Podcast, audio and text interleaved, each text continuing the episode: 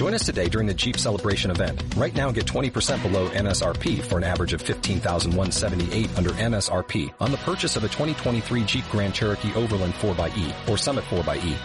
Not compatible with lease offers or with any other consumer incentive offers. 15,178 average based on 20% below average MSRP from all 2023 Grand Cherokee Overland 4xE and Summit 4xE models in dealer stock. Residency restrictions apply. Take retail delivery from dealer stock by 4-1. Jeep is a registered trademark.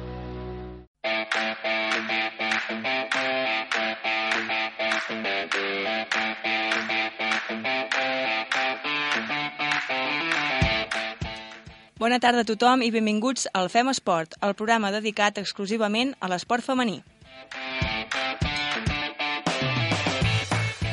Soc l'Alexandra Bogunyà i m'acompanya la Manuela Castro. Bona tarda. Bona tarda, Àlex. Tenim una molt bona notícia pel Barça femení. Així és, han fet història i per primera vegada seran a la final de la Women's Champions League. Sí, el Barça estarà a Budapest el proper 18 de maig. El conjunt català ha derrotat el Bayern de Múnich en doble ocasió per un gol a zero i assistirà a la final de la Champions femenina per primera vegada en tota la seva història i també serà la primera vegada per un club de l'estat espanyol. Serà una final difícil de guanyar perquè la disputen contra l'Olímpic de Lió, l'equip que domina aquesta competició. Però com diu el club, juguen per fer història i ho acaben d'aconseguir. Manu, vols que et digui una exclusiva? Sí, és clar. Jo també estaré a Budapest presenciant aquesta final. Què dius? En sèrio? No ho sabia. Sí, sí, vaig comprar ahir els bitllets. ja us comentaré la meva experiència. Bé, ara comentem un nou rècord. De què, parla... de què parlem sempre, Manu? Quins rècords estan de moda? Rècord d'assistència a un partit? Correcte. L'RCD Stadium va registrar el rècord d'assistència en un partit de futbol femení a Catalunya. Un total de 20.615 uh, persones van seguir en directe el duel entre l'Espanyol i l'Atlètic de Madrid corresponent a la jornada 28 de la primera divisió nacional femenina. El partit s'ha caracteritzat per la igualtat a la gespa, on l'Espanyol ha tractat de portar la iniciativa davant d'un rival sòlid. Tot i el bon joc de les blanquiblaves, l'Atlètic s'ha acabat emportant els 3 punts, guanyant 0-1. L'important és que es vagi... Perdona, aquí... Volies dir alguna cosa, Manu? Sí, bueno, jo només vull dir que l'important és que es vagin sumant rècords així i que aquesta manera es vagi donant més nom al futbol femení i a l'esport femení en general. I per últim, comentem abans de passar... Perdoneu. Abans de passar els resultats, que ahir es va estrenar la sèrie de, de les de l'hoquei, que us vam presentar programes enrere. I va tenir molt bona rebuda. La podeu seguir cada dilluns al vespre a TV3 i futurament també estarà a Netflix. Ara sí, anem a repassar els resultats d'aquest cap de setmana.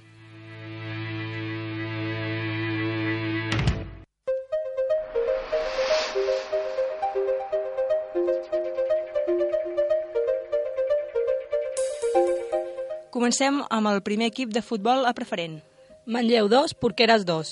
Escoltem l'entrenador Jordi Devesa. Nosaltres anàvem amb moltes baixes, només anàvem amb dos canvis. Jugàvem contra un, un, un rival històric de preferent i sabíem que era molt difícil. No? La primera part jo crec que va ser totalment seva. El seu futbol, que ja sabem, directes, centrals, les seves centrals estaven còmodes fent desplaçaments a l'espai. Eh, vam buscar un partit trencat i nosaltres en aquestes situacions no estem mai gens còmodes. A la mitja part ens vam poder... vam canviar una mica el sistema de joc, vam poder jugar més per dintre, vam poder enllaçar més passades i la segona part va ser totalment nostra, vam aixecar el partit i l'últim minut, perdona, el temps de descompte, minut 93, ens van fer gol de l'empat. Si mires el còmput global del partit podria un resultat just, però el fet que et marquin un gol l'últim minut pues, et fa deixar mal sabor de boca. I això, molt content, seguim treballant, seguim estant a dalt i seguim fent història. El proper partit juguen a casa contra el Levante Les Planes diumenge a les 4. Cadet juvenil. El partit d'aquest cap de setmana que disputà el Manlleu contra el Cabanes ha estat suspès i el proper partit és Manlleu-Gers dissabte a les 11. Ara canviem d'esport, parlem de l'hoquei patins. Resultat d'hoquei Lliga. Manlleu 6, Vigues i Riells 2. Escoltem l'aportació d'Arnau Casanovas.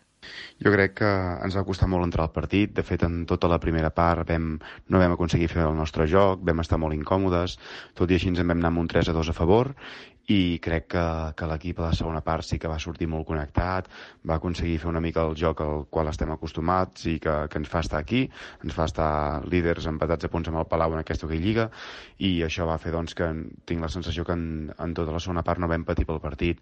Al contrari, el, el parcial de la segona part és un 3 a 0 a favor i, i que això va acabar amb aquest 6 a 2, no? Vol dir que, que contents, contents per, per aquesta segona part, per la imatge de l'equip i a seguir treballant, que ja només ens queden quatre jornades. El proper partit juguen a Girona dissabte a les 9 del vespre. Passem al nacional catalana. Voltregà 6, Manlleu 0. El proper partit és Piera Manlleu di diumenge a les 4. El femení 16A i el femení, el femení 12 no han jugat, però en canvi tenim molt bones notícies pel femení 16B. Exacte. Cerdanyola 0, Manlleu 4. Han guanyat l'eliminatòria i es classifiquen per als campionats de Catalunya. Enhorabona. Moltes felicitats al femení 16B i molta sort. Anirem comentant els resultats. Anem cap a l'equip de futbol sala. Barri Can Calet 1, Manlleu 3. D'acord, passem al bàsquet, les Sots 25. El Manlleu ha descansat aquest cap de setmana i el proper partit és Club Bàsquet Coll, Manlleu, diumenge a les 6 de la tarda. Desconeixem el resultat de la júnior nivell B, així que passem cap al cadet promoció. Granollers 50, Manlleu 57. L'infantil. Prats de Lluçanès 29, Manlleu 54. Preinfantil. Manlleu 72, Centre Catòlic 67. I per últim les mini. Manlleu 78, Club Bàsquet Sant Celoni 50. Molt bé, doncs continuem amb l'apartat d'actualitat.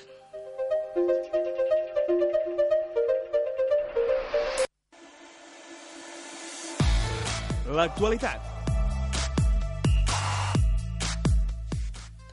Laia Ruiz, qui va qui vam entrevistar en el programa passat s'ha classificat pels campionats d'Espanya.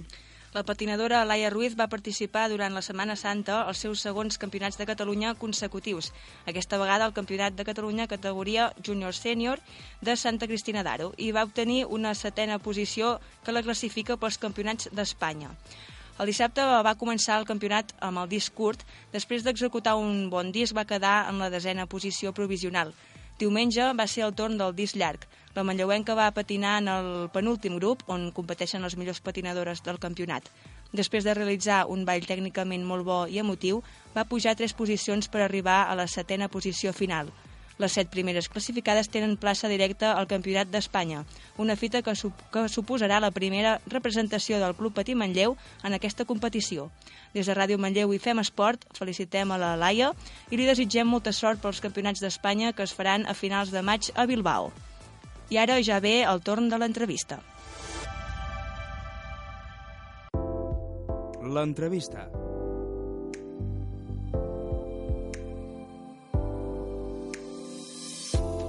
Avui fem la segona entrevista relacionada amb el bàsquet. En la primera va venir la Laura Díaz i ens va comentar que si buscàvem una manlleuenca top dins del bàsquet havíem de contactar sí o sí amb la mama Dembélé i així ho hem fet. Avui entrevistem en directe a Mama Dembélé, jugadora de bàsquet professional de 17 anys, que estudia a Esplugues de Llobregat, on hi ha el centre d'alt rendiment. Pràcticament viu tot l'any a Barcelona pels estudis i l'esport. I per aquest motiu ens ha estat complicat fer-la venir en persona, però li podrem realitzar l'entrevista telefònicament. Bona tarda, mama, com estàs? Molt bé. Uh, vas començar a jugar a bàsquet amb 8 anys, al Club, Patí, ai, al Club Bàsquet Manlleu. Sí. Oi? Explica'ns per què, per què vas triar aquest esport. Um, realment no m'agradava, és a dir, el meu germà gran jugava a futbol i jo sempre havia volgut jugar a futbol, però a la meva mare no li feia molta gràcia perquè no hi havia equip femení, així que vaig provar amb el bàsquet i em va agradar. Molt bé. Uh, tens, uh, tenies altura ja o característiques per jugar a bàsquet o no? No, simplement era ràpida i, i poc més.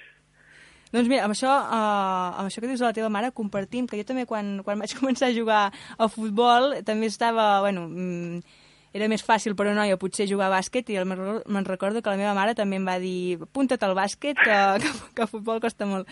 Exacte. Um, llavors, el bàsquet, però, no, no et ve de família, o sí? No, de fet, tota la meva família ha jugat a futbol. De fet, la meva mare de jove va jugar a futbol, és a dir, sóc l'única que, que juga a bàsquet. Però ara els hi has fet enganxar, no? Suposo, suposo que ara segur que els agrada a tots. Sí, ara tots, els cosins i tots, cap al bàsquet. Et segueixen? Sí. Molt bé. En quina posició sols jugar i si sempre has jugat a la mateixa o has anat canviant? Um, degut a la meva altura sempre he jugat de base i bueno, realment és una posició que sempre m'ha agradat, així que no va ser un esforç haver de, haver de fer-ho. Molt bé. Um, amb 12 anys vas anar a la selecció mini de, de Catalunya aconseguint medalla d'or als campionats d'Espanya. Com recordes aquesta gran experiència amb només 12 anyets? Jo crec que, que de totes les experiències va ser la millor perquè al final era una nena i realment no era conscient d'on estava, així que simplement vaig anar, m'ho vaig passar bé i quan em vaig ser conscient vaig dir, ostres, he guanyat una medalla en un campionat d'Espanya, però mm. realment em va agradar moltíssim. Clar, perquè només amb, amb 12 anys encara no, no ets conscient, no?, suposo, del que, Exacte. del que suposa. Uh -huh. um, als 14, no, no gaire més gran, vas canviar d'equip i vas anar al segle XXI, si no anem equivocades, um, al centre d'alt rendiment on s'hi concentren 24 jugadores d'Espanya. Uh, sí. què, què va suposar per tu aquest canvi tan important? Doncs va suposar doncs, canviar realment tot, perquè jo ja estava sent diferent, perquè vaig entrar un any de, abans del que em tocava, uh -huh. i va ser arribar aquí i canviar totalment la dinàmica, perquè entrenes 4 hores cada dia, al col·le són menys hores, t'has d'adaptar i al final vius sol i tota la responsabilitat l'acabes tenint amb 14 anys. I és com que has de madurar de cop i al principi et sobta i costa, perquè estàs lluny dels pares, però finalment t'acostumes. Clar, perquè els pares on els tenies? La família? Els pares seguien a Manlleu i els veia molt poc perquè els caps de setmana jugava i havia d'estudiar, així que poder els veia un cop cada mes o més o menys això. Clar, és com, és com la Masia, no?, del Barça? Exacte, sí, mm -hmm. és, és un programa igual, però amb noies.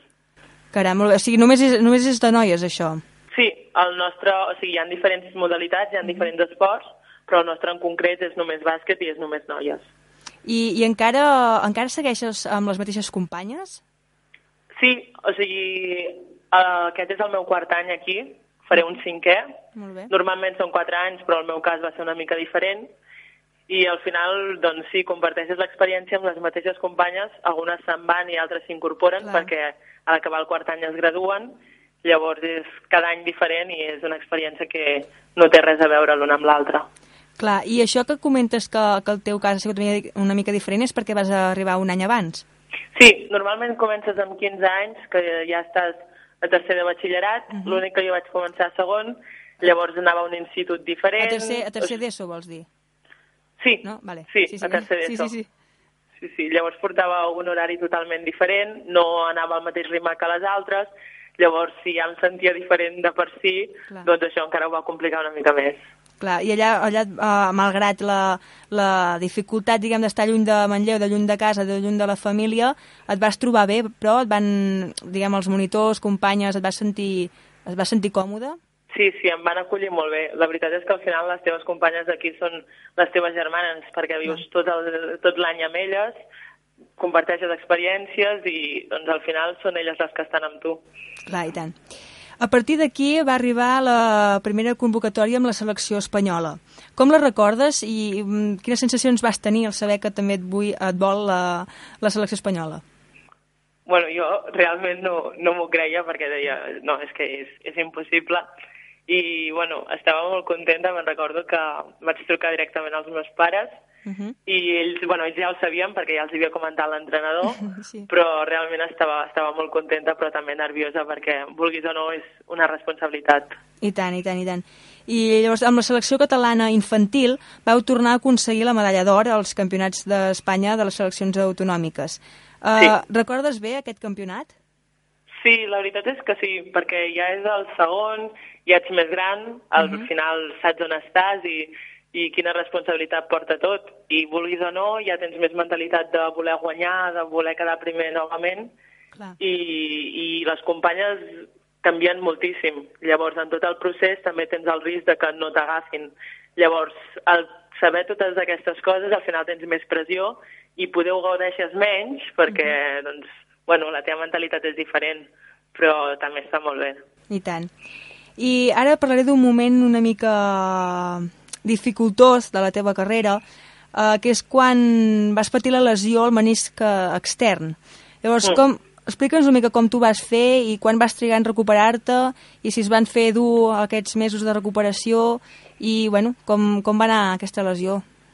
Bueno, jo estava a l'estiu al campus de la Catalana amb les d'un any més, amb les 2001, i estàvem ja a finals del procés i, bueno, fent una entrada vaig caure i se me'n va anar el genoll. La veritat és que tenia una sensació rara, però vaig dir, bueno, és igual, serà el cop, que sol passar, i, i no passa res.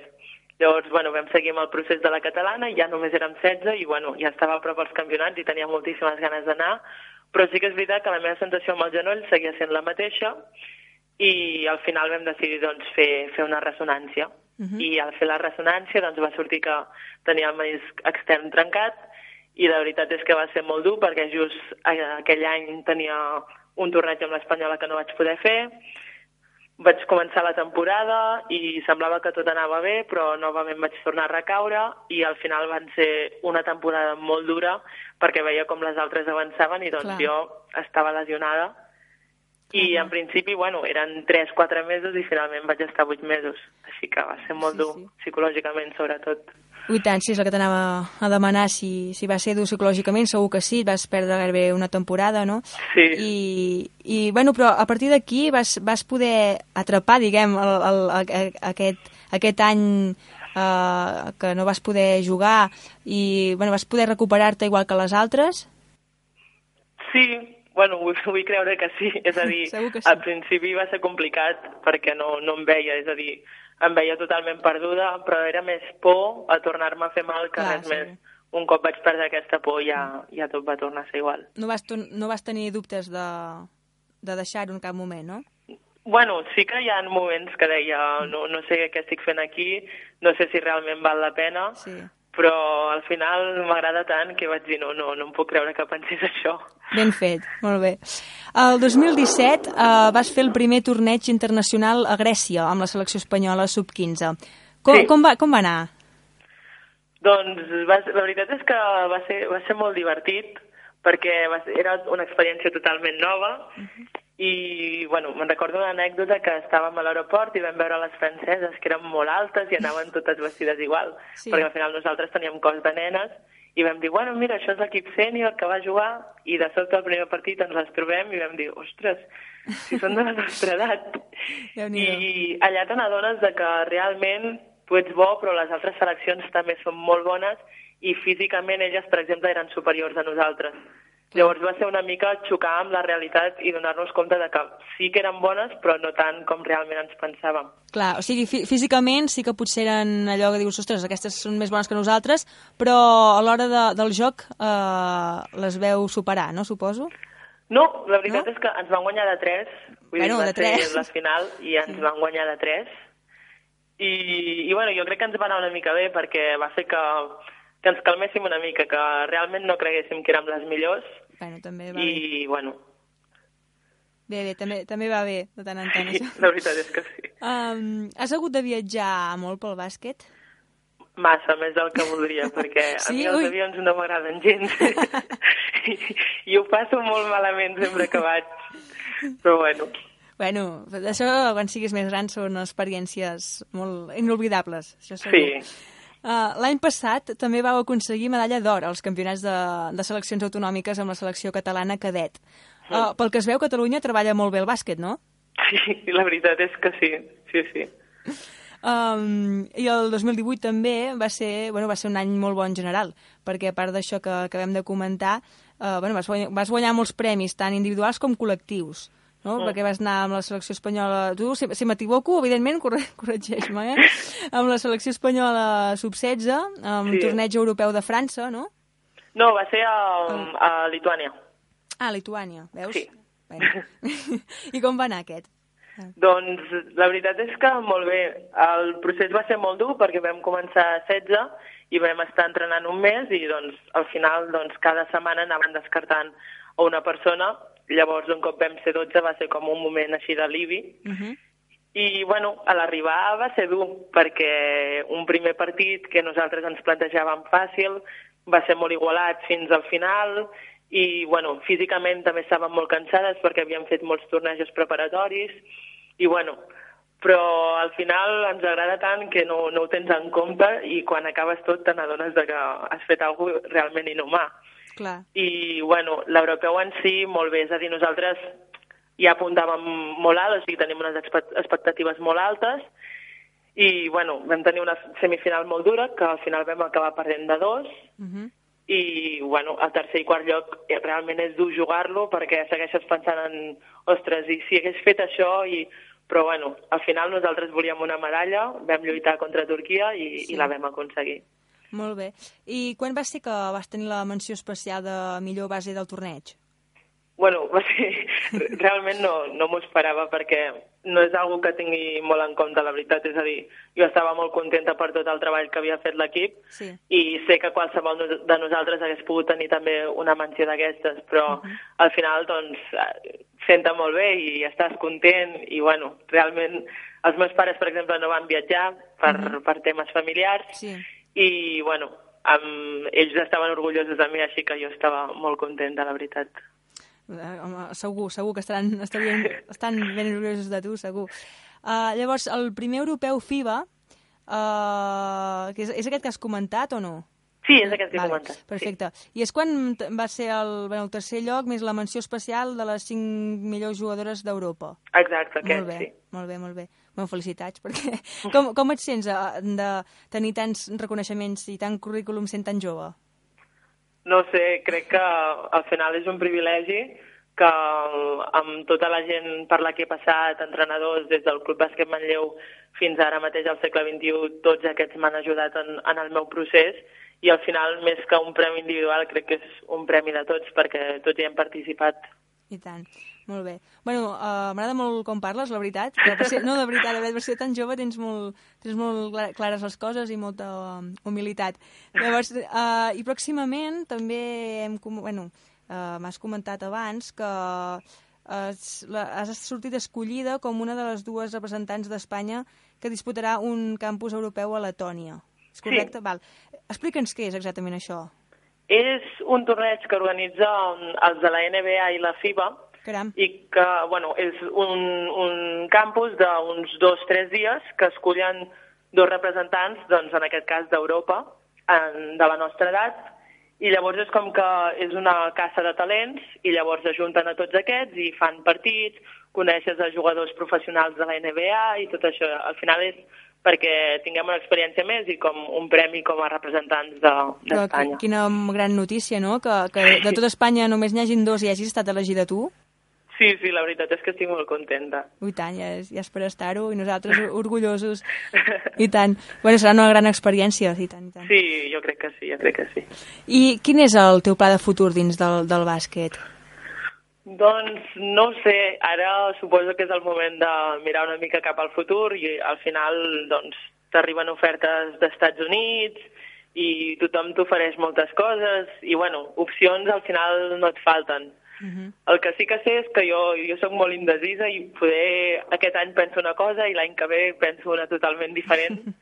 I, sí. bueno, actualment doncs, faré algunes visites a algunes universitats per veure què tal, a veure si m'agrada la dinàmica d'allà, sí. però bueno, també tinc l'opció de quedar-me per aquí en algun equip i al final seguirem el bàsquet, sigui com a hobby o, o el que sigui, perquè perquè m'agrada, però també amb els estudis, que també és molt important. Sí, això, ara estàs escursant primer de batxillerat científic.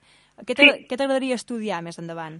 Um, crec que vull ser fisio. És una cosa que sempre m'ha cridat molt l'atenció i que em permet poder compaginar el bàsquet doncs, amb, aquesta, amb aquesta feina, llavors crec que fisio. Perfecte, doncs se'ns ha acabat una, el temps. M'agradaria que vinguessis un dia aquí a Ràdio Manlleu i seguir parlant en persona.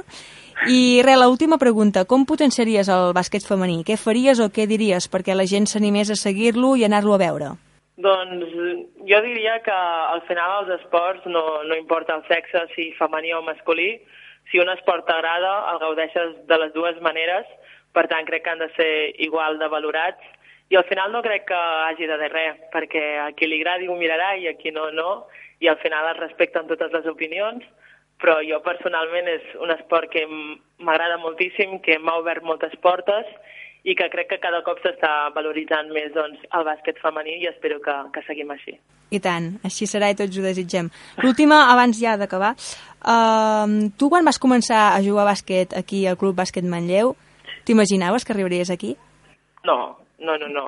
És a dir, per, per res del món. A mi bàsicament m'agradava el bàsquet perquè a les trobades doncs, ens donaven coca i jugàvem amb els amics i això era el que realment m'importava i mai, mai ho hagués dit. De fet, ara mateix molts cops m'ho plantejo i és una que em costa de creure. Però bueno, Doncs, bueno, que sàpigues que, que estem molt orgullosos d'aquí des d'aquí i, i res, que moltes gràcies per, per trobar temps per atendre'ns i intentem quedar, això el que deia, en persona en un altre programa. Què exacte. Molt bé, doncs desig... Moltes gràcies. a, a tu et desitgem molta sort en tot i a seguir així que arribaràs molt lluny. Gràcies. Adéu. Adéu.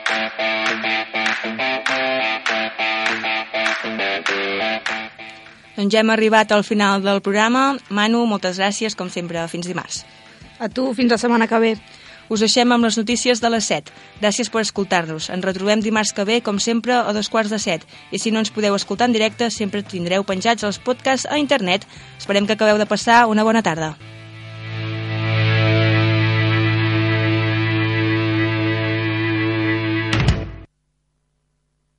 If you only have a 401k, you're not getting the most for retirement. Wait, what? Add a Robinhood IRA on top, then they'll boost it by 3%. You can do that? and if you transfer in any retirement account, you get 3% on top of that. Is there a limit to the match? No limit. Robinhood Gold gets you the biggest contribution match of any IRA on the market. Sign up for Robinhood Gold at Robinhood.com slash boost by April 30th. Subscription fees apply. Investing involves risk. 3% match requires gold for one year from first match. Must keep IRA for five years. Match on transfers subject to additional terms and conditions. Robinhood Financial LLC member SIPC.